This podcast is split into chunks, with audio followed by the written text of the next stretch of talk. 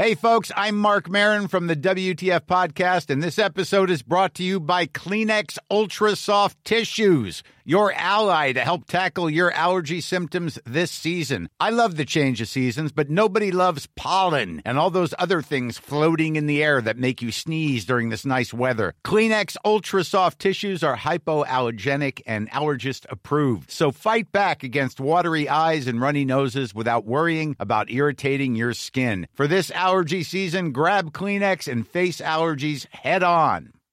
Hi, I'm Daniel, founder of Pretty Litter. Cats and cat owners deserve better than any old fashioned litter. That's why I teamed up with scientists and veterinarians to create Pretty Litter. Its innovative crystal formula has superior odor control and weighs up to 80% less than clay litter. Pretty Litter even monitors health by changing colors to help detect early signs of potential illness. It's the world's smartest kitty litter. Go to prettylitter.com and use code ACAST for 20% off your first order and a free cat toy. Terms and conditions apply. See site for details. Ja, nu ringer mamma. Vänta. Hallå, mamma. Salam.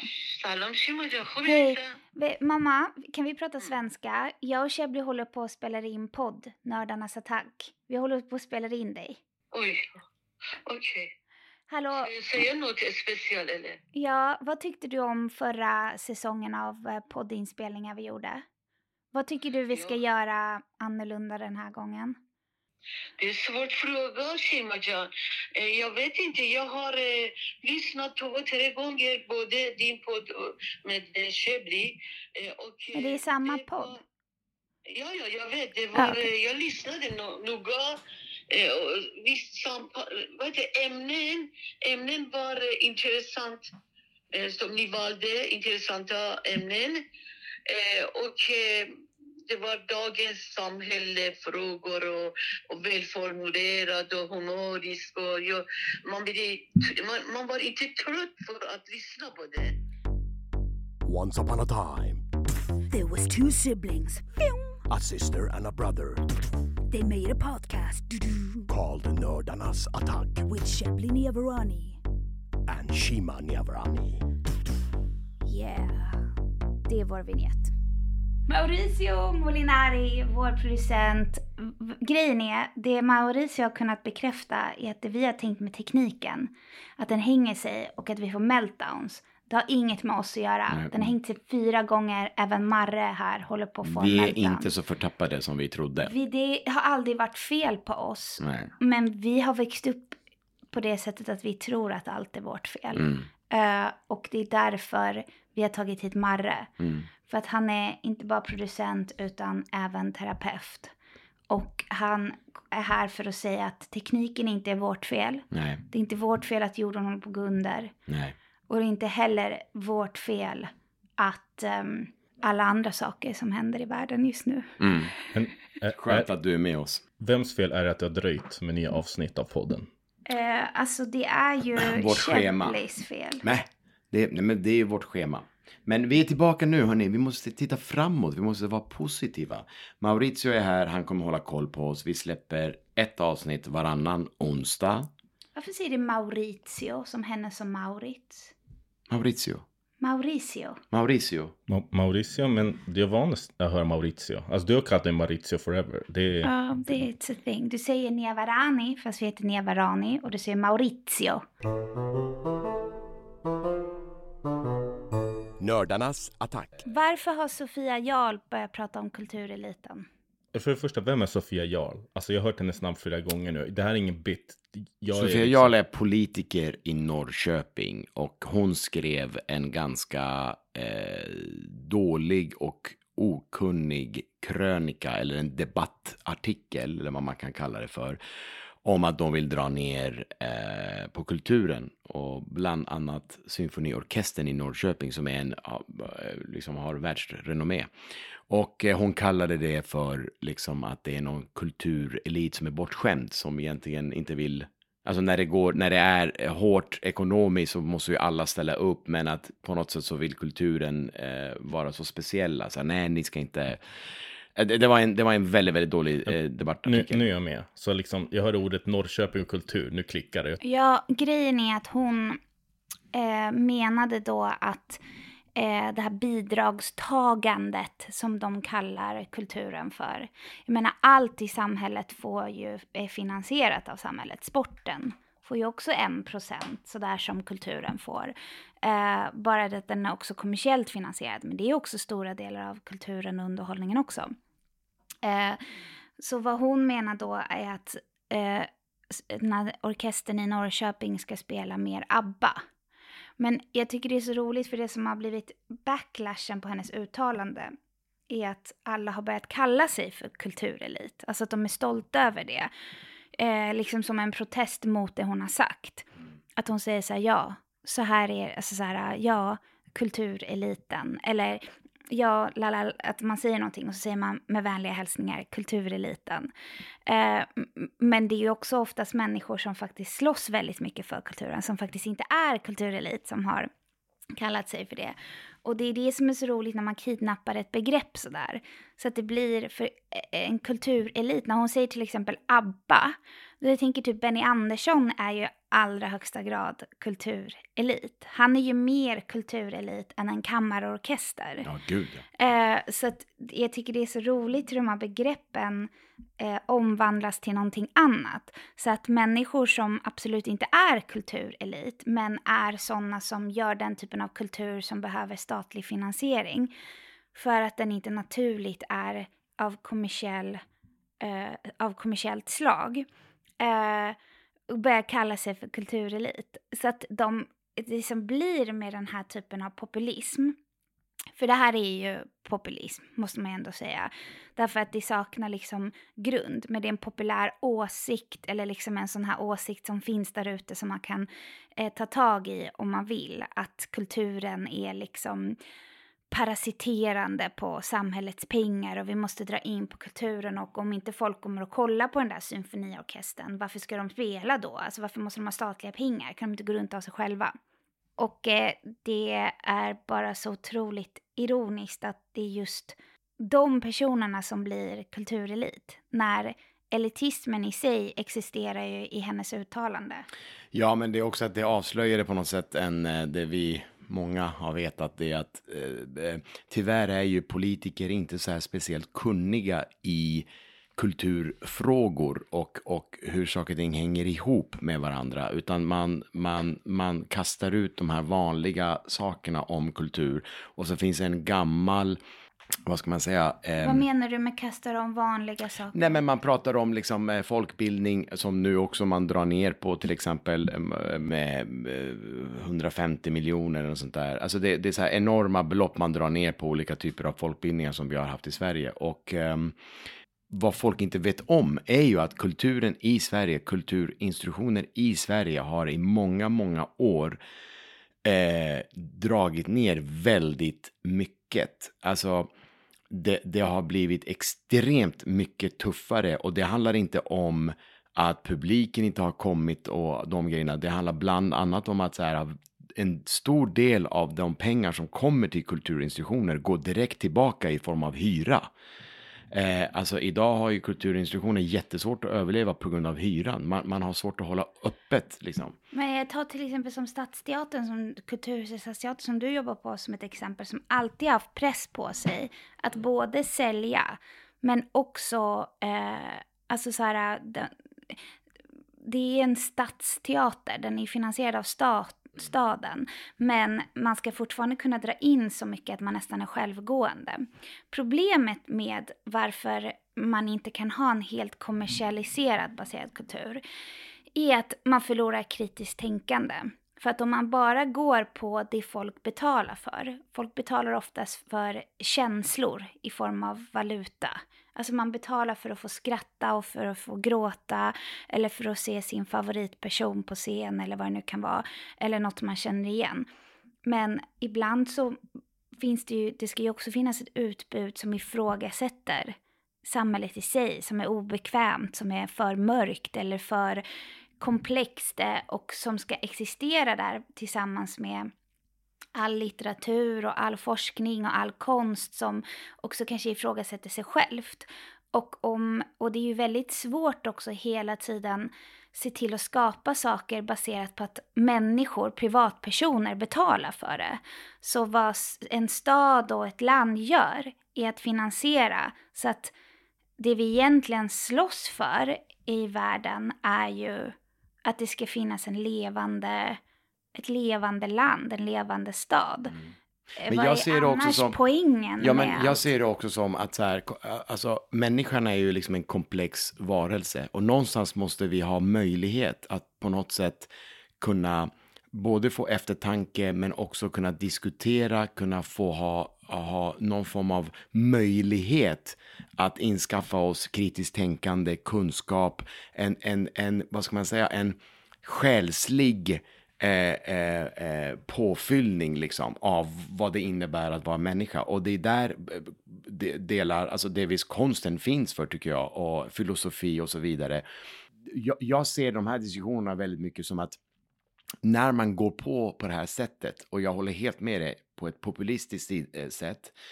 Det handlar också om att vad hon gjorde i den här debattartikeln var ju också att hon verkligen, hon fördelade ju folk, alltså hon delade ju oss i olika grupper. Liksom, Mm? Dela upp Eh, människor. Ja, och det är ju den här grejen man har gjort tidigare också. Jag ville komma till att man säger så här, ja men kolla, nej men vill ni ha en teater då får ni en, en, eh, en, en, en halv sjukhus mindre. Alltså det, har varit, det blir färre sjukhussängar eller man, man jämför saker och ting på ett väldigt konstigt sätt utan att egentligen berätta hur det står till. Och det, det vet man ju på ett sätt att så här, det är inte det det handlar om. Det blir Men det inte... går i hela populismens eh, andemening att, eh, att prata om etablissemanget på det sättet.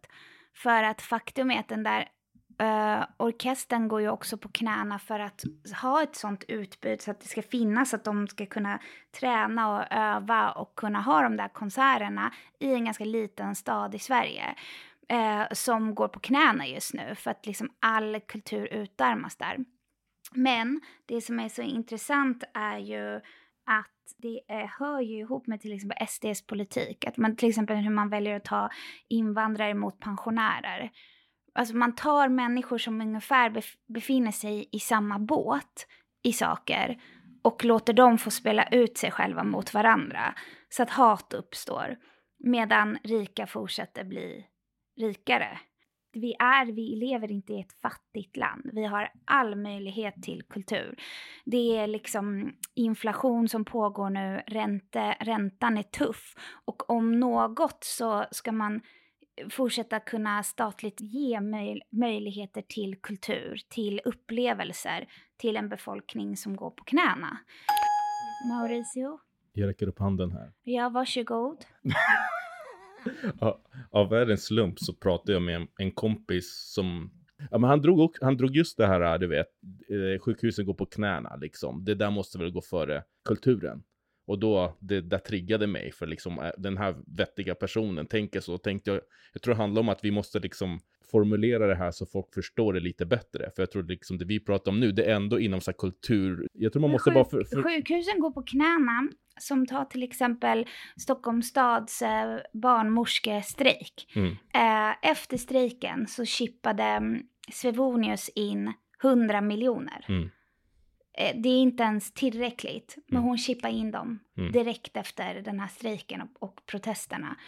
Eh, de hade behövt kanske två miljarder. Mm. Eh, de pengarna finns. Ja. Jag vet vad jag ville komma till, vad jag sa till honom var att här, jag tror det handlar om att så här, eh, det handlar inte hur mycket kultur får per se. Jag tror det handlar om att det inte förvaltas på rätt sätt kanske. Det tycker jag man verkligen kan diskutera. Så här, hur stor procent av kulturkakan ska gå till vad? Det tycker jag är up for debate. Jag tycker i stort att liksom, kulturen ska få sina pengar. Men det är en liksom. annan fråga, för att ja, det är klart att Ja, okej, det det ska Dramaten få alla pengar eller ska fristående konstnärer som gör kritiskt tänkande kultur få alla pengar? Alltså vad är vad? Ska kulturarv få pengar? Det kan man diskutera. Ja, men jag tror det är det som, du vet, alla som är emot kultur eller hoppar på det tåget. Jag tror det är just det, om man bara pratar om då, i de termerna, då är det redan 90% bara, ja, det är typ det jag menar. Mm.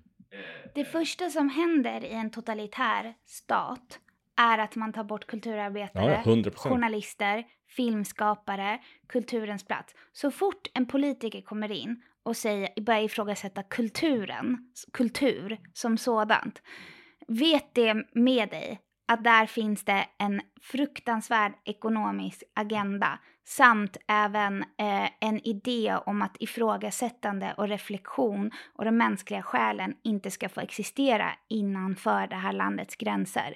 Det är det första som, alltså det är receptet på hur man eh, desarmerar människor, hur man eh, utarmar deras tänkande själar och hjärnor. Och det är ett problem. Eh, det var som en gammal eh, politiker som sa att liksom det vi, eh, en svensk politiker som sa, hela meningen med allt det här är ju att få uppleva kultur. Alltså det är ju att få spendera tid tillsammans, skratta, uppleva saker, reflektera, tänka, läsa, se. Varför existerar vi överhuvudtaget som människor om inte, den, eh, om inte våra själar får stimulans. Sen kan man inom ramen för kulturfinansiering, det finns ju så mycket filmpolitik, vilka filmer det är som finansieras eller vilka teatrar eller vilken typ av scenkonst, det kan man diskutera. Och både den kommersiella världen, alltså det vi kallar för privatteatervärlden som både du och jag har jobbat på, eller jag är ju en del av min turné är privat. Alltså den är independent, den ska finansiera sig självt via att folk kommer att kolla på den.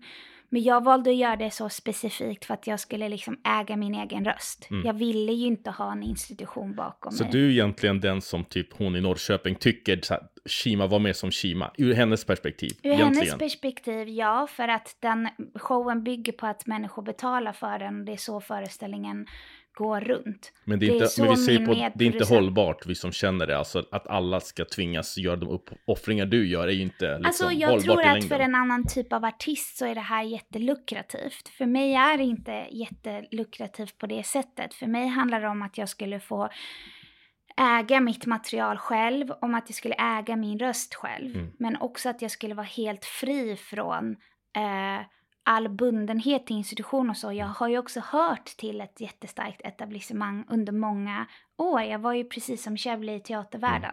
Så för mig handlade det om det. Eh, men för en kommersiell artist, som till exempel ta en svensk popartist, så är det här ju ett sätt att få tjäna pengar. För man tjänar ju ingenting på Spotify. Alltså man tjänar ingenting på att släppa musik. Så liveverksamheten blir viktig. Men när det kommer till institutioner och när det kommer till avantgarde-kultur eller det vi kallar för finkultur eller liksom statligt finansierad kultur. Den är ju liksom inte till för att den ska sälja på en specifik den är ju till för att upprätthålla ett tänkande, folksjäl eller liksom eh, stimulera tankar och samtal i en stad eller i ett land. Eh, den är till för att ge andan av tiden ett utrymme. Eh, det betyder inte att kommersiella saker inte gör det. Men de jobbar på helt andra förutsättningar. Man, I en kommersiell show kanske man måste stryka en scen för att den inte ko- kommer gå hem i stugorna. Men en, en uppsättning, en teateruppsättning som har uppbackning ekonomiskt kan ta sig modet att behålla den scenen. Oavsett om det innebär att det där inte kommer att gå hem. Nu drar jag det väldigt Men, långt. men infrastrukturen då? För det är det jag pratar med min vän om. I mitt huvud så tror jag liksom om man drar bort, alltså det farligaste är när man liksom drar bort pengar. För han sa, men artister kommer alltid finnas. Eh, och liksom kultur kommer alltid finnas. Han sa det rakt ut, det var det som provocerade mig. Och jag tänker så här, jag säger till honom, alltså gatumusikanter kommer alltid finnas.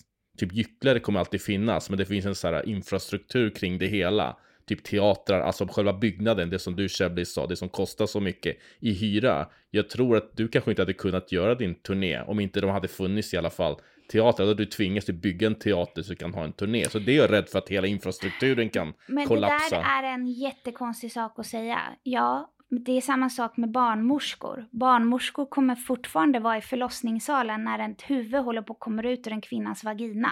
Då kommer inte barnmorskan bara, nej jag får inte betalt för den här extra timmen. Jag menar med att sjukhuset kanske inte finns om man skulle dra bort tillräckligt mycket pengar. Men enligt honom så var det så här, och jag håller med om, inom vissa liksom, yrken, kulturen kommer leva vidare, men inte som vi ser det nu liksom. Ja, men allt lever ju vidare oavsett. Alltså, problemet med det resonemanget är att ja, kultur kommer existera för det är så vi människor fungerar. Vi gör det naturligt. Vi är storytellers by heart. Alla beslut vi tar kommer från en berättelse. En berättelse om romantik leder till kärleksbeslut. En berättelse om vem man är som människa gör att man tar vissa moraliska val eller beslut varje dag i sitt liv. Eh, och eh, det är också så vi får ett syfte eller näring till själen men också typ att vi förstår oss själva och varandra. Filosofi, filosofiska tankar existerar för att vi ska ha en idé om vilka vi är som människor eh, och hur vi ska agera och vad för typ av samhälle vi ska ha. Så ja, det är klart att det kommer existera alltid. Men det kommer också alltid existera folk som springer och vill tävla i att springa fortast. Alltså förstår du vad jag menar? Allting existerar för att det här är olika delar av samhället. Nej, men ytterst, yt- ytterst handlar det ändå om en sorts frihet. Om vi vill leva i en värld, i ett samhälle där vi kan tänka fritt, vi kan uttrycka oss på ett fritt sätt, så fritt som möjligt. Det, så har på något sätt har det visat sig att det bästa har varit med en, en stat som fördelar och jag tror 2020 var det 0,69 procent av den totala BNP i Sverige som gick till all kultur. Ja, så att när man säger att ja, men, sjukhusen fungerar inte och det beror på kulturen så är det ju bara jävligt dumt för att sjukhusen fungerar inte för att det har misskötts eh, i så många år. Precis som våra järnvägar. Det har inte att göra med eh, Skövde stadsteater eh, som, som finns där och spelar teater Men, men nu, så, nu så tror jag, du vet, i det här samtalet vi har nu, jag tror där nyckeln är så att folk ska förstå liksom vad det Men, egentligen men det är liksom så här, hade, hade, hade, hade världen funkat annorlunda så ma- och man hade kunnat säga så här, hörni, det behövs inte, bara för att ni kan tänka fritt alla de här äh, väldigt komplexa, problematiska, svåra tankarna, eller ni kan ha den här pjäsen som egentligen motstånd till den rådande eh, liksom regimen och det bekostas av ett jättestor koncern som gör kläder. Eh, ja, absolut, men den verkligheten finns ju inte och det kommer aldrig finnas. Det har aldrig funnits. Nej, därför pengar skapar agenda. Ja. Så om det finns ett pengasyfte, då finns det en ekonomisk agenda. Och den kan vara problematisk för den typen av fritt tänkande som vi pratar om. Sen så tror jag att många har en kritik mot att det är staten som finansierar kulturen för att det blir som att man eh, går statens ärende eller det politiska partiets ärende. Men det är där man pratar om armlängds avstånd, att politiker ska eller liksom vi människor när vi betalar skatt, så som det rådande systemet i Sverige är idag. För vi har ett sånt system. Vi är inte USA som liksom finansierar allt på marknadens villkor, utan vi är en europeisk, ett europeiskt land eh, där det finns en idé om att i en demokrati så hjälper liksom staten till med att säga alla får uttrycka sig fritt konstnärligt inom yttrandefrihetens gränser och demokratins liksom ramar. Eh, man ska kunna ifrågasätta rådande politik men ändå vara finansierad av den. Men det som blir då är att det är liksom politiken styr också vad det är som blir finansierat, alltså typ kulturarvet. Helt plötsligt får Eh, eh, en teater som gör jättemycket sånt jättemycket mer pengar än till exempel en fri grupp som gör eh, avantgardistisk teater om människor på botten av samhället till exempel. Om, eh, och, och de diskussionerna kan man ju fortsätta ha. Men som princip, om det inte existerar möjlighet till att de pengar vi betalar in till samhället för att ha ett bra samhälle, vår skatt, om inte det ges tillbaka till oss i form av demokrati och fritt tänkande, varför betalar vi in de pengarna? Ja, men också att jag är egentligen trött I på så den fall kan jag diskussionen. bygga upp ett men, eget sjukhus men- och men- tillsätta två egna Ja, läkare som nej, bara tar hand om mig varje dag. Nej, men sen finns den här väldigt märkliga idén om att så här, ja, men det är som att de här pengarna nu, vad det är nu för miljarder, eh, de försvinner i ett svart hål. Och det är ju inte så heller, Det är inte ens i Norrköping, utan pengarna kommer in, de, de sätts in i ett system och de pengarna kommer tillbaka i form av arbetsgivaravgifter, i form av skatt, i form av eh, eh, att, att publiken eh, sitter och käkar middag på olika restauranger och åker taxi dit eller åker, åker tunnelbana dit eller vad det är. Alltså det är inte som att det är ett svart hål och så försvinner det bara pengar. Eh, det, det är klart att det inte gör det, utan det finns ju liksom en rotation av pengar och under den tiden så skapas det en jävla massa idéer och tankar och föreställningar, musik, vad än det är, alltså innovation och så vidare och så vidare. Så att det, det är liksom... Du menar att ritualen att gå och se någonting, att betala för en biljett som inte kostar tusen spänn men den kostar typ 300 spänn för att det är det som gör det möjligt. Så folk vill inte betala 1200 för att gå och se en show, utan man kan betala 300 spänn. Gör att man tar tunnelbanan, man äter gott, man betalar för sin biljett. Det är Ja, och att- folk som avlönas, det är hyra som betalas, det är massa saker. Det skapar en rotation. Jo, men så människor är som är- konstant i rullning. Ja, men om människor som jobbar på en symfoniorkester eller, eller eh, på, vad vet jag, en, en, en, en, en teater eller vad det är nu, eh, de är ju också skattebetalare. De betalar ju också, de flesta är till och med egna, eh, om de inte är anställda så är de egna företagare. Så det är inte heller som att pengar försvinner och man bara säger, men vad hände med de här pengarna egentligen? Jo, men allt det här skapades och pengarna går ju tillbaka. Alltså, den teatern där jag jobbar får ju en viss mängd pengar. Eh, en tredjedel går ju direkt tillbaka till staden av, på grund av hyra. Mm. Så, så, så det, det är ju inte som att, man, och då sätts de pengarna in i en massa annat som Men roterar runt Vilken i teater samhället. spelar du nu? Alltså på Stadsteatern, i Kulturhuset Stadsteater. Ja, för, okej, men för att liksom göra det ännu tydligare för tittarna, för nu I'm starting to see it. Eller lyssnare, lyssnaren. Vadå, inte filmar vi inte? Ja, just det. Alltså, i- Har du i- filmat allt det här? Marre tror att han är Helenius i Helenius. Nej, men vet du det, vad heter, vad heter, vad heter, säg någon fin restaurang där man kanske äter i närheten av Kulturhuset så folk liksom får the picture av hur mycket pengar egentligen du drar in till Jag tänker inte nämna några, några restauranger, jag tänkte göra Vi reklam. tänker inte ge restaurang. Eh, typ. men- nej, men jag menar bara- Lyssna, kolla så här. Jag tycker att man absolut kan... eh, Nu jobbar du på en statlig institution, du är fast anställd. Jag är fri. Min, min, äh, mitt artist, mitt konstnärskap finansieras genom publiken. Ditt konstnärskap finansieras genom skattebetalarnas pengar. Det är inte mycket pengar. Det är som Ja, att men jag vara- håller inte med den diskussionen överhuvudtaget. Eller, eller, eller det Mitt- är inside Nej, nej, baseball. nej, det är jag inside, försöker göra en poäng, nej, Shelley. nej, nej, jag håller inte med. Jag tycker det är ett konstigt sätt att diskutera Men, mitt, let's hear ditt out, let's hear konstnärskap. out, let's hear Vadå, du har inte ens hört hela mitt Men- Nej resonemang? men jag tycker, nej men, nej, men det, det funkar inte heller så heller. För att ditt konstnärskap, det, det kommer för att du har gått i en skola. Ja, det, Precis det, som det, jag. Shepard, det är ingen inte attack. Det Det är ingen låt henne, attack! låt Ta henne det säga. fucking lugnt, sätt dig ner och ta det lugnt. Det, försöker det, det här är inte den Ja. andra podden vi gör. Ja. Det är inte Nej. Rage-podden. Nej, Shepard. nej, nej. Vad, nej. vad går du på nu? Du vet Nej, inte ens jag jag ska fattar säga. inte bara den diskussionen. Jag Du har ju inte ens konstigt. börjat diskussionen. Låt henne vara. Vi håller hand här. Vi håller Jag har hand inte nu. börjat diskussionen. Backa, backa! Ska jag. Så här. Mitt konstnärskap är visst fritt så som jag bygger upp min show. Ditt konstnärskap när du spelar på Stadsteatern just nu är statligt finansierat.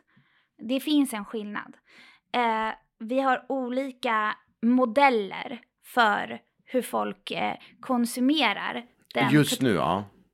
Ta det lugnt. Jag har inte kommit till resonemanget. Det jag ändå vill säga med det är, alltså vi behöver också förklara våra olika, alltså olika sätt att jobba på. Det jag vill säga är att i ett sånt fritt samhälle där olika tankar och idéer kan finnas så, eh, så handlar det till exempel om den röda orm som du spelar ifrågasätter ifrågasätter egentligen det elitistiska tänkandet eller kulturen. Det är ju en tankelek med kulturen och biblioteken som sådan. Min show ifrågasätter ju också världen som sådan. Eh, man kan ha samma typ av eh, resonerande eller liksom eh, kritiska tänkande och det här fria sättet att se på kulturlivet oavsett finansieringsmodell. Men det man försöker underlätta med att, att det båda saker kan existera, den, både den kommersiella marknaden men även den statligt finansierade, är att ge möjlighet till folk att inte behöva betala så mycket. Att det inte ska vara eh, helt på villkoret av att om du har pengar får du uppleva konst och kultur. Eh, men den, konst och kultur är också till för just de som är villiga att gå och betala. Så det är det som hela resonemanget bygger på, friheten att kunna välja. Det var det jag försökte säga med att vi är från två olika... Men, men jag, tror, jag tror också att så här, det där är lite mer inifrån för dig som skapare. Alltså, det där, Nej, jag, tror, jag alltså, tror inte jag det är så stor fått- skillnad för, för, för liksom den som jag går hade till inte teatern. haft möjlighet att göra det jag gör utan musikskolan. Eh, utan att det fanns eh, en institutionsteater, Riksteater, som trodde på mig. Att det fanns pengar för att finansiera min första soloshow och tro på en sån som jag. Jag hade ingen publik. Det var ingen alls kommersiell förutsättning för att jag ens skulle finnas överhuvudtaget. Det fanns ingen behov för mig. Utan det, som, det enda behovet fanns att det var intressant att höra en röst som var lik min. Alltså röst i form av det jag vill berätta.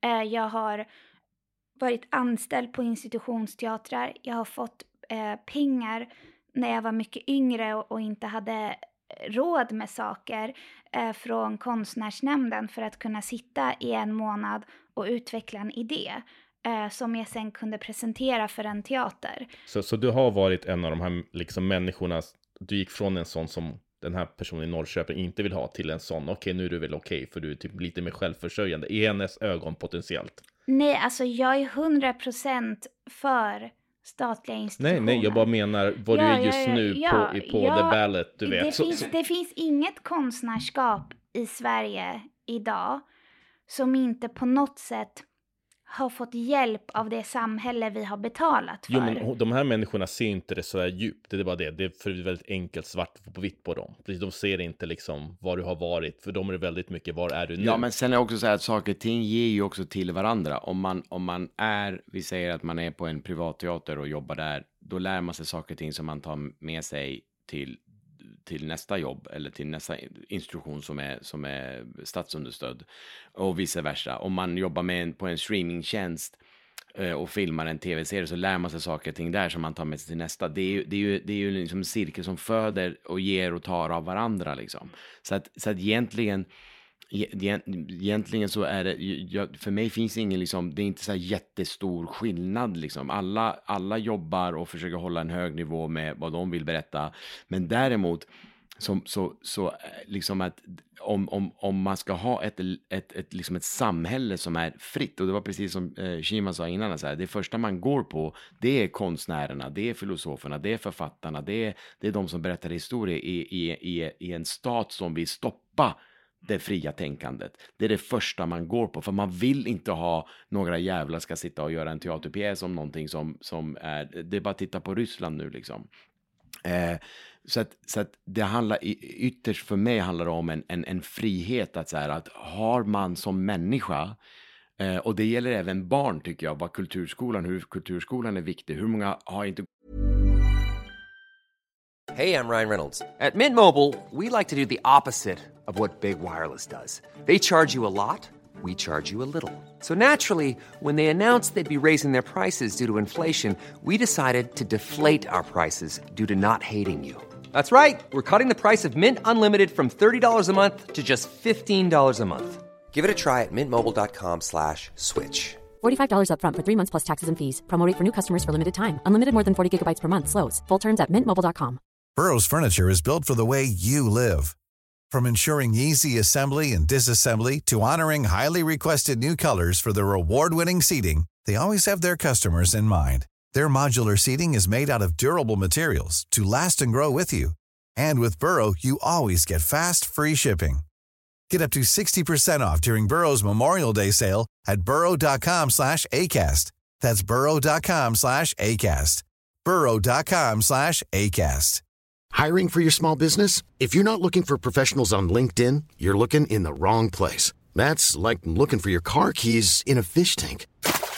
LinkedIn helps you hire professionals you can't find anywhere else, even those who aren't actively searching for a new job but might be open to the perfect role. In a given month, over 70% of LinkedIn users don't even visit other leading job sites. So start looking in the right place. With LinkedIn, you can hire professionals like a professional. Post your free job on linkedin.com slash people today.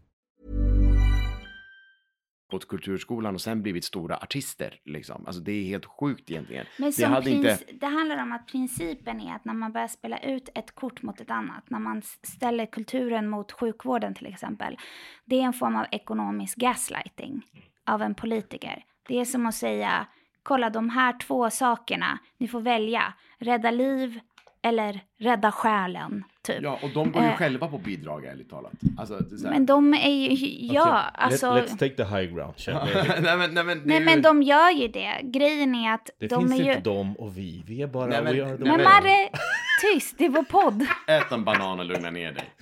Nej, men jag tror att, alltså det är absolut som du säger, att han, att de själva är, de är ju också finansierade av människor.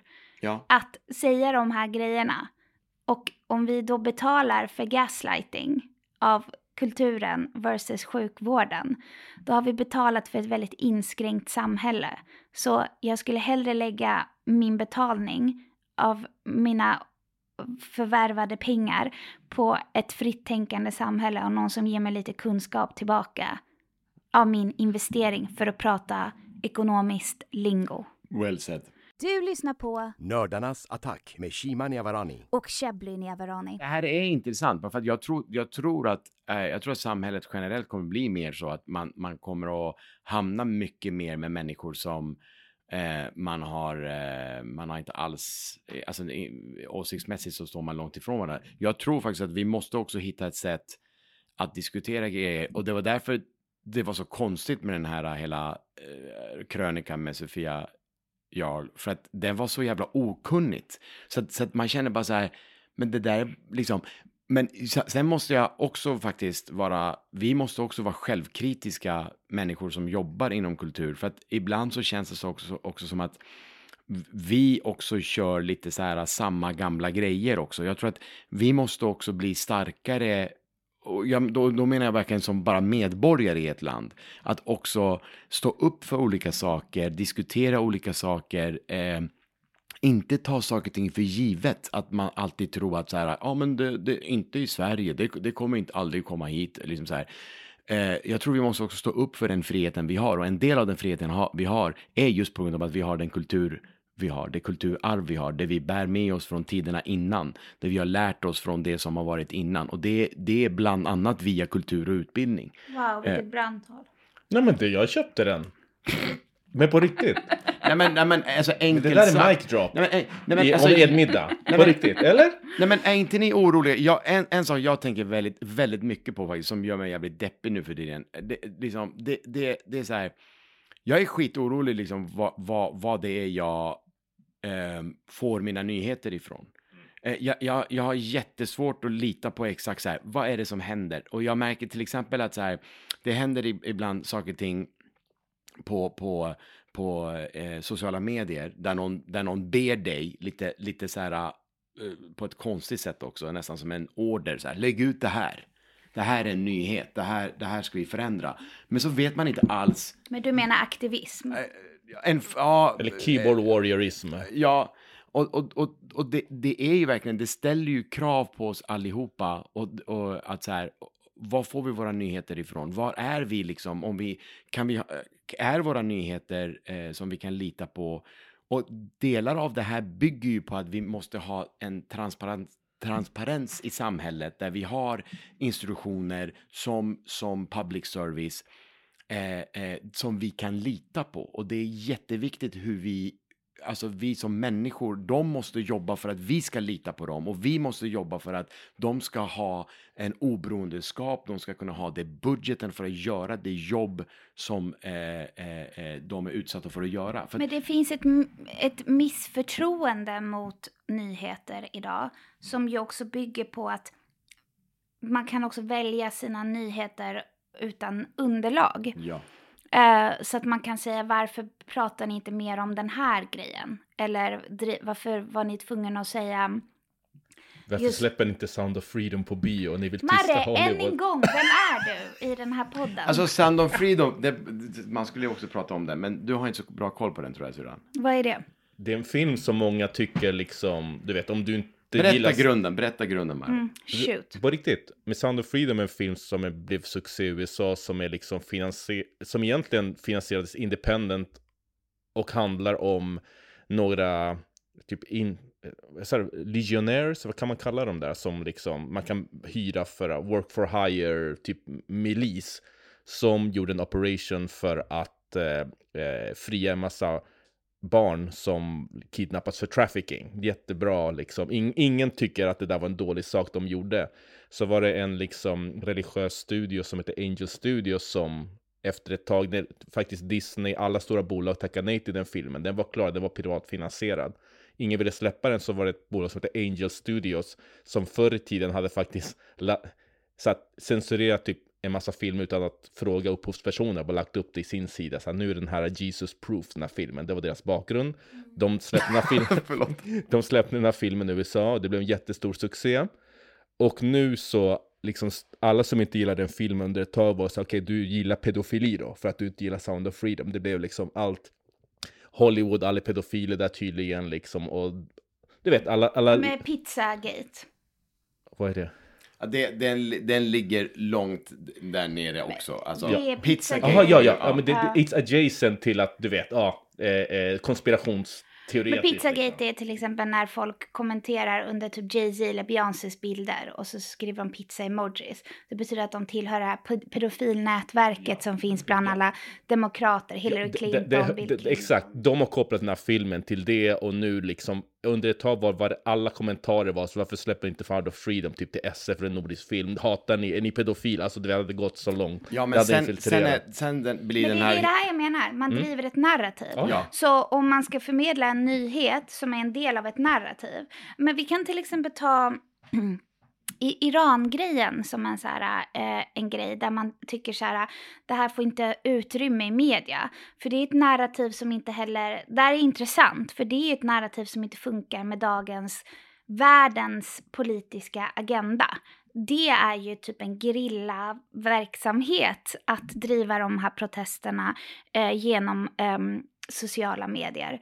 Eh, och anledningen till varför det har varit eh, svårt till exempel för medier att rapportera att man inte får uppgifter bekräftade, men uppgifterna som ska bekräftas är från en totalitär stat där inte nyheter tillåts på samma sätt och statistik och siffror mixtras med. Men man till exempel undrar varför inte det här blir nyheter och då litar man inte på nyhetsrapporteringen.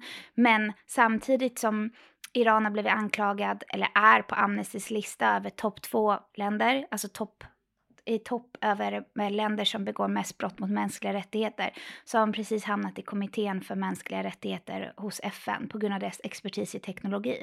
Så där finns det ju en, en ideologisk, världslig, liksom global agenda att man behöver ha med Iran att göra. Särskilt i en tid med bränslekris och eh, brist på naturresurser som olja i och med att Ryssland är eh, public enemy number one i Europa och man behöver tillgång till Irans olja. Och att de här nyheterna inte förmedlas ut, det här perspektivet inte kommer ut, skapar ju ett missförtroende för media. För då blir man så här, då driver ni den globala agendan. Nämligen att så här håller det här politiska spelet håller världen på med. Så våra nyheter blir utifrån det narrativet som världen håller på att projicera ut. Och samma typ av resonemang för ju högerpopulismen. Att de säger att nej men ni har en rökridå framför våra nyheter för att ni säger inte vad det är som egentligen pågår i det här landet. Men sen så när man bygger underlag för det då, bara, då blir det också eh, problematiskt för när de försöker komma ut med ett resonemang där det inte finns underlag. Eller som till exempel bara det faktum, ja men ta ordet massinvandring som blev jättepopulärt. Rent ur forskarperspektiv eller ur ett vetenskapligt, socialvetenskapligt perspektiv skulle man inte säga att Sverige hade en massinvandring. Vi hade inte permanenta uppehållstillstånd, det var tillfälliga uppehållstillstånd, det var liksom mycket tillfällig asyl och det var 80 000 personer eller någonting. Medan liksom andra länder tog emot flera miljoner. Eh, så begreppet är relativt. Att Sverige har tagit emot väldigt må många flyktingar under 2015 blev begreppet massinvandring. Nu kommer det en massa människor som ska bosätta sig här för alltid. Men många har ju liksom inte ens fått vara kvar här och det var inte permanenta uppehållstillstånd. Och per definition så, så var det ju inte många statsvetare som skulle säga att det där var en massinvandring. För när man sätter, sätter det i perspektiv till andra, eh, alltså per capita, så skulle man inte kalla det för massinvandring. Så det var ju ett högerpopulistiskt begrepp och sen så blev det så cementerades det. Ja, man flyttar ju gränserna och så använder man sig av När det. du pratar om flytta gränserna, du menar um, lingvistiskt, alltså med precis, orden och språket. Precis. Och sen så till slut så är det ju satt. Nej, så men det blir bara som att, cementerades. Ja, ja, det cementeras liksom. Ja, ja, okej, då... Så då... 2015 hade Sverige massinvandring. Så vad som blir i förhållande till hur vi sen rappor fortsätter rapportera om invandring är 2015 års massinvandring.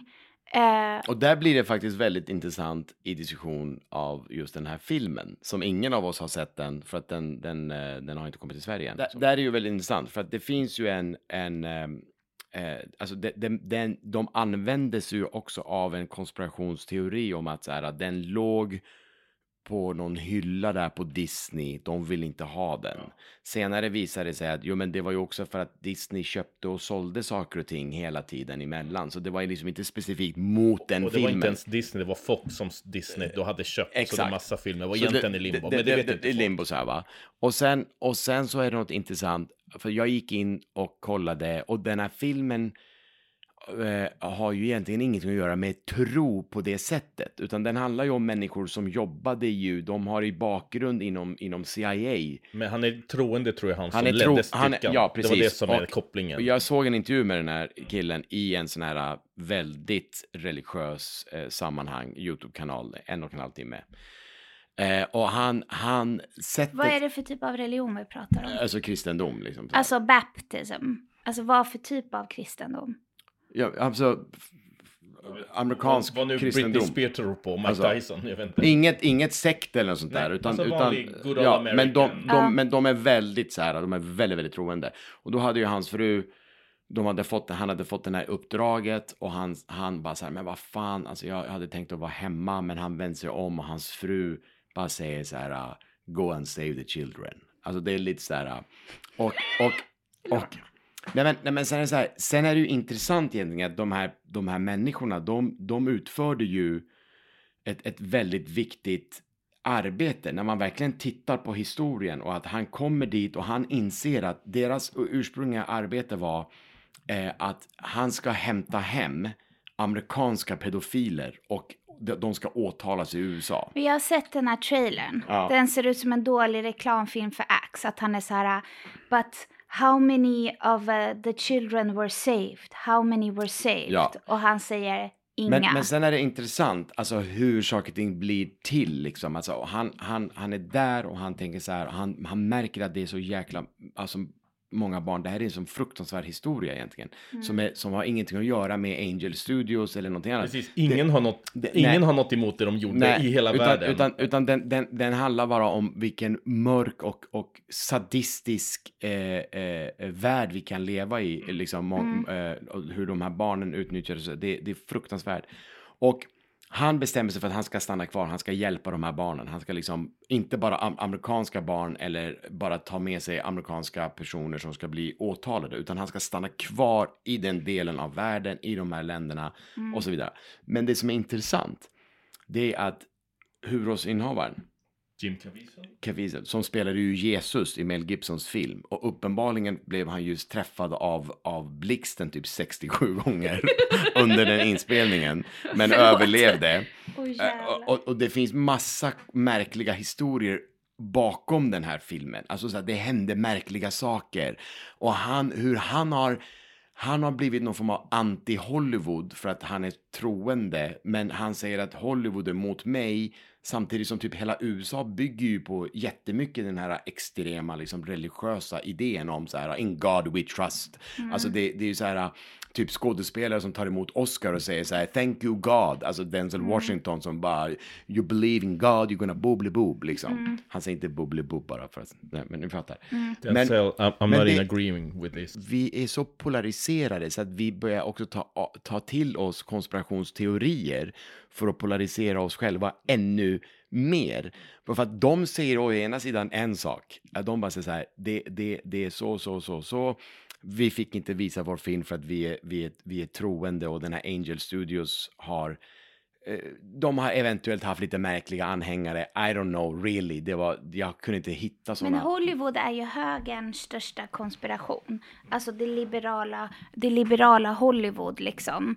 Eh, dels för att den var uppbyggd av minoriteter. Eh, och dels för att den var liksom uppbyggd så att det, det fanns människor som kunde leva liksom inkla- alltså Hollywood är en väldigt snäv, snäv värld till att börja med. Det är inte en fri värld. Den bygger på kapital och den bygger på makt och pengar. Men i, i högerns värld i USA så är Hollywood symbolen för liksom the great Satan. Alltså det är total dekadens. Den är uppbyggd av minoriteter, vilket jag tror egentligen är den största provokationen mot högern. Som kultureliten. Nej, Men den byggdes ju... Men Jewish migrants, alltså judiska migranter, byggde till stora delar upp Hollywood under en tid då eh, UTA, vad heter det? Vad hette det i Tyskland? Det som var Hollywood i Tyskland. Ut, nej, inte UTA. Nej. ehm, UFA.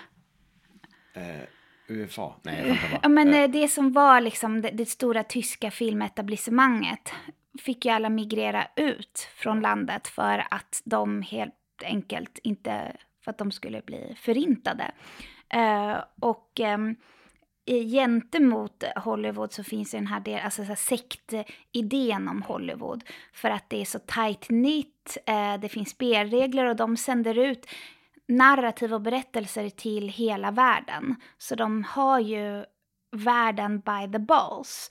Eh, sen har ju ehm, eh, högern valt att se det som att eftersom att det är så det finns en liberal tankeström i Hollywood att den också skulle vara del av det här hela pedofilnätverket och typ eh, att allt är sammanlänkat med Hillary Clinton, Bill Clinton, Epstein och alltihopa. Och Beyoncé och Jay-Z och alla de här eh, liksom flyga privatjet kända personligheterna. Och även vi tre som sitter här i en tvåa. Vad är det för plan det här? Det här är ett litet köksbord. Jättebra. Då är det ett stort plan. Ja, det är ja, och ett badrum. Eh, nej, men och ehm, jag tror att, eh, att det är lätt att så fort någonting blir marginaliserat inom ett sånt etablissemang. Eh, och här kan vi prata om att den här eliten då är ju helt kapitaliserad. Så om man pratar om Sveriges elit som så statligt finansierad bidragstagare så är den här eliten helt inuti en liksom kapitaliserad värld där allt bygger på kapital och utbud och efterfrågan. Ja, och i och det makt. fallet, just med den här filmen, det där är jävligt intressant, så blir den ju faktiskt också en religiös. Alltså, det, det, det, den, för de säger ju verkligen till sina medlemmar, gå och se den här filmen. För att Gud vill att du ska gå och se den här filmen. Alltså, Men det alltså, jag det är inte förstår är intressant. övergången från att det var en Hollywood-rulle, en rulle som försökte slå sig in på marknaden via Fox Ja, och, och Disney. den blir uppköpt av en studio som har en otrolig religiös förankring. Liksom. Så de kidnappade ett narrativ.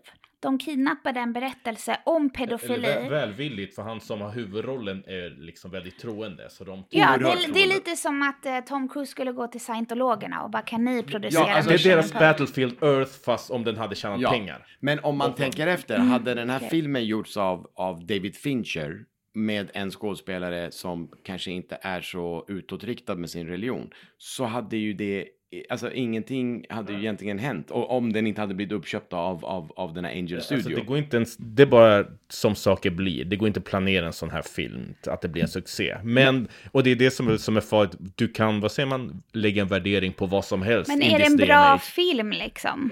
Alltså den har fått ganska bra. Alltså och, och, av, av olika typer av medier. Så det är inte så här att vi pratar inte om en. Och det är också en, en, en, en, en alltså regissören gick ut och skrev ett brev. Alltså han är ju själv inte involverad i någon typ av religion. Han var bara glad att få göra en film. Ja, men och att Mm. han brann för den här storyn. Han gick ju till han gick ju med den här boken, han sa så här till den här snubben som var en av de här agenterna som utförde de här uh, operationerna. Han sa jag vill göra en film om det här, jag tycker det här är skitviktig berättelse för att folk får inte reda på vad som händer med de här barnen. Liksom. Mm. Eh, så det var så det började. Och den här duden då, som alltså den här agenten säger att jag vill att eh, Jim Caviezel, Jim om den blir av, om ska- jag får ska drömma. sk- spela huvudrollen. För att vi Mm. beundrar honom hemma och han har samma typ av religion som vi och jada jada. Mm. Och där växer det någonting som blir som, som, som där, där det är en viss kontroll som tappas bort när den här Angel Studio förmodligen på grund av Jim kommer in, köper över historien och så kommer det fram på något sätt att var det så att eh, Disney inte ville släppa den på grund av det här och det här? Och där tar det också fart med de konspirationshistorier om att här, Hollywood vill inte att pedofilihistorier ska berättas för att alla är pedofiler. Mm. Alltså, och det bara fullständigt ballar ur, liksom, i någon, i någon där man... Det passade ju den religiösa högerns narrativ de driver mot det liberala Och Hollywood. inte bara de, alla, okej, no disrespect till foliehattar, men alltså, eller jo, alla foliehattar, det, den här, där passade allas narrativ liksom. Mm. Och, och basha Hollywood. Att det är inte liksom. bara vaccinet utan det är även pedofili. 100 det ja. är massa saker som regeringar döljer. Ja, ni försöker styra vad vi tittar på, alltså allting. Liksom. Men jag tänker till exempel på i um, Hitlers propagandamaskineri under Goebbels. Då de filmerna som de producerade för att på något sätt ge hopp eller liksom införliva du vet, liv och en sammanhållning hos tyskarna. Det var ju inte heller propagandafilmer enbart, utan det var ju kärleksfilmer med bland annat svenska Sara Leander. Så det var ju romantiska kärlek och hon var ju dessutom en ganska så här stor brunett eller rödhårig kvinna. Så det var ju liksom, hon var inte heller idealet av det här tyska nazistiska idealet om den vita ariska blonda kvinnan, utan hon såg ju liksom inte ut så. Men hennes kraft gjorde att folk eh, kände, oh wow, eh, det ingav hopp i befolkningen. Så vad Goebbels gjorde med sitt propagandamaskineri var att göra typ melodramatiska kärleksfilmer eh, med liksom kamp och glöd och förlust och sorg och, och på något sätt ge sinnebild av de här kvinnorna som spelade huvudrollen, de här männen. Eh, att det var kärleksfilmer som skapade sammanhållning. Eller det fanns en annan story än den... Alltså i slutändan så var det liksom det man gav till människorna var inte så här, vi ska göra ett politiskt system som är så här. Det var inte ett politiskt innehåll, det var inte propaganda av det slaget. Utan det var eh, en känsla av sammanhållning och kärlek och melodram. Eh, så jag tänker att på det sättet så blir det väldigt lätt att kidnappa Det en var film. exakt det som hände i den här filmen. Den Mm. var perfekt för de här Angel Studios gör ju såna här vad, vad man väntar sig. De ska göra, du vet, kärnfamiljen-filmer, Mm. Christmas, God is real. Men det där funkar ju inte för alla fattar, men det här är propaganda. Det här var en liksom... En Men, ganska men, cool pedof- film men pedofilhistorien funkade med den religiösa amerikanska högern. Och Jag ska också säga att den, den hade enligt eh, eh, IMDB så hade den nästan 15 miljoner dollar i budget. Den har dragit in hittills 212 miljoner. Ja, den hade ju Alltså- aldrig blivit en Nej. sån här succé eh, om det inte vore för att den k- togs av Angel Studios och blev en religiös Och går film. man in på de här, äh, alltså de här sidorna, så, för jag blev så nyfiken, jag bara, vad, vad är det liksom, om man hittar de här religiösa eh, YouTube-sidorna där, Mm. där de ofta gästar. Mm. Och det finns också några sådana här där det är väldigt, alltså de, har, de är i någon arena och det är så här, alltså det är Alltså, hur the mycket, det är. Globen och så bara så här, så ropar de in dem och folk bara, alltså du vet, det är nästan som en väckelsemöte liksom. Så det blir, om man kollar också på hur många views de har haft, du vet, det är ju en dröm för en- vilken filmstudio som helst. Mm. Alltså det finns ju inte en annan film som får den där, alltså inte ens Avengers blir ju inbjudna till en, om det inte, vad heter det, Nej. Comic Con liksom. Mm, mm. Det här var Mm. typ Comic Con, större, men allt är religion. Så att det Mm. var liksom verkligen, "Wow", du vet, och de bara, Mm. God, och så bara drog han de här historierna, jag blev träffad av blixten, du vet, och de, han får så här, han får så här, han Ja, applåder. därav han blev träffad av blixten 67 gånger. Så även där har Ja, vi det Och hans, hans bakgrundshistoria är också... Jim Caviezel pratar vi om. Yes, Mm. tack. Eh, eh, det är också att han, han skulle ju sluta som skådespelare och sen kommer Jesus till honom och han heter ju Jim, Caviezel? alltså JC, liksom. Aha. Så han, och han berättar att Jesus sa till honom, Ja, han stavar kavisti med C. eh, Så han eh, heter, AC, ja. han heter, eh, Jesus Christ. Jay-Z. Je- Men är Jesus- Jay-Z också? Jay- Ja, men, som, nej men som JC and Alltså. Je- Han är också Jesus JC. Christ, alltså. Jesus Christ. Ja, liksom. han heter Jay-Z. Så vad Jesus säger till honom är så här, äh, stå, sluta inte med ditt skådespeleri. Låt mig bara avsluta tanken. Sluta inte med din skådespeleri, men börja göra berättelser som kommer att förändra världen. Och därav är det också viktigt att vi har statsunderstödda teatrar, så att vi kan förändra världen. Så basically, eh, han fick storhetsvansinne av att blixten slog ner i honom 67 Nej, det var gånger. innan, det var innan. Och sen, och sen bara något år efter så ringer Mel Gibson upp honom och säger så här, jag vill att du spelar Jesus. Och då var det som att cirkeln var sluten. Cirkeln Jag är, jag är en ny tids Jesus. Ja, nej, men, var, han connectade alla dots med sin narcissism. Ja. Och, han, och, och, han blev Jesus och när man- genom massa Ja. olika komponenter. och när man tittar på de här äh, intervjuerna, intervjuerna som är just med de här äh, religiösa YouTube-kanalerna, man får verkligen en bild av att han tror och de pratar med honom som om han är en form av gud. Så det är också en märklig, alltså det, man man blir så här, oj, det här är... men, men ni som är liksom ändå skådespelare är bra på att läsa av folk. Alltså, jag tycker ärligt att han som utförde den här, eh, vad säger man, räden i Sound of Freedom på riktigt, den legosoldaten eller vad han är.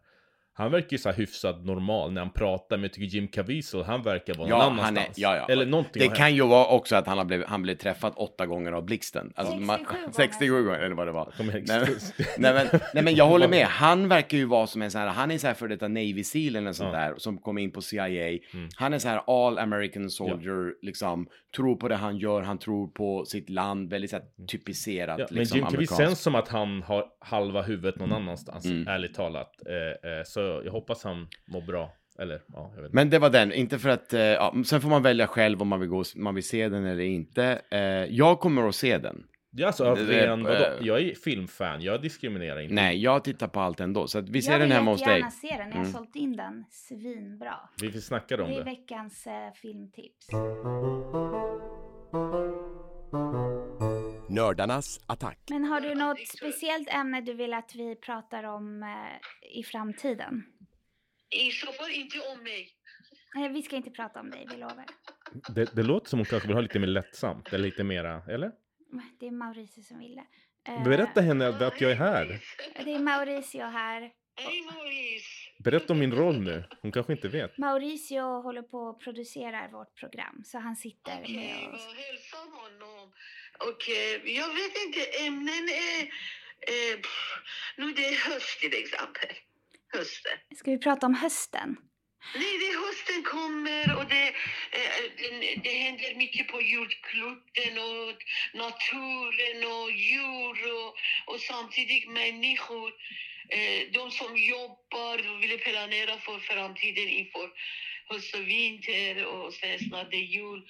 Eh, och eh, det, om det gäller världen till exempel som ja, så fall livet går vidare hela tiden. Okej, mamma, Trots, trots allt som händer på jordkloten, trots allt som gäller i samhället, som händer i samhället. du vill att vi fokuserar på människor och ger lite hopp, typ. Men det är alltid det som är människor. Att eh, man ska kämpa, man ska inte ge upp. Man ska hitta, eh, till exempel eh, i, den här veckan, det var vi pratade att jag tycker att det finns mycket roliga saker som, som terapi. Terapi? ja, att, som terapi, att mm, behöver inte man må dålig. Det finns mycket saker som man kan göra. Man skapa, skriva, delta på bokläsningar eller gå till naturen, jobba med växter och blommor eller skapa en... Som det var ett ämne, att virkning till exempel, att virka och sticka, eh, också en terapiämne. Det ska Ja. inte bara... Hallå, tack för väskan du virkade till mig förresten. Ja, ja, jag Men, mamma, en vi ses, Ja. på, vi ses på onsdag efter min show. Du kommer på och min sen show. snart det två timmar. Jag eh, tackade en envis eh, telefonsäljare från eh, eh, efter Tele2. Han försökte med mig att varva mig. Två timmar. Eh, och då jag tänkte att jag ska inte göra honom besviken för att han var envis och försökte med mig att ändra min eh, abonnemang och bli 50 kronor billigare. Han pratade två timmar för att varva mig. Och jag tänkte att jag ska inte göra honom besviken. Jag tackade honom för att han är ung. Jag sa det är bra att du, du ger inte upp det. Men, men, men bytte du abonnemang? Han försöker, han väntar på att jag säger ja. Men sa du ja? Ringer hela tiden. Två timmar. Men mamma, blockera det där numret. Blockera det bara. Vad heter det? Hörru, jag älskar dig. Vi ses på onsdag på showen. Hur mår du Shima? Mår du bra efter den här eh, Jag är lite trött. intensiva show och allt det där? Jag är lite trött, men jag ska vila nu. Ja, vad bra. Tack mamma. Hur mår du? Jag ringer dig sen. Jag saknar dig också. Ja, han hör dig här, han hälsar. Puss puss. Hej då. Hej. Så vad vi har lärt oss det är att nästa avsnitt Handlar om att virka. och djur och natur och att mamma har blivit lurad på en telefonabonnemang. Men hon har inte blivit lurad. Hon bara fortsätter uppmuntra honom. Nej, hon, Hon får inte bara säga ja i telefon, då är det kört. hon, hon eh, uppmuntrar honom att fortsätta kämpa. Men hörni, det har varit en ynnest. Eh, tack allihopa. Tack så jättemycket Marre. Tack för att du är här. Du är grym.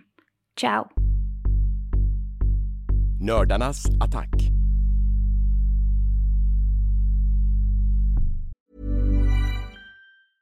Planning for your next trip?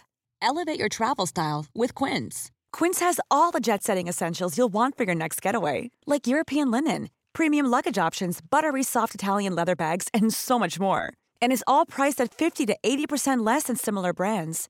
Plus, Quince only works with factories that use safe and ethical manufacturing practices. Pack your bags with high-quality essentials you'll be wearing for vacations to come with Quince. Go to quince.com slash pack for free shipping and 365-day returns.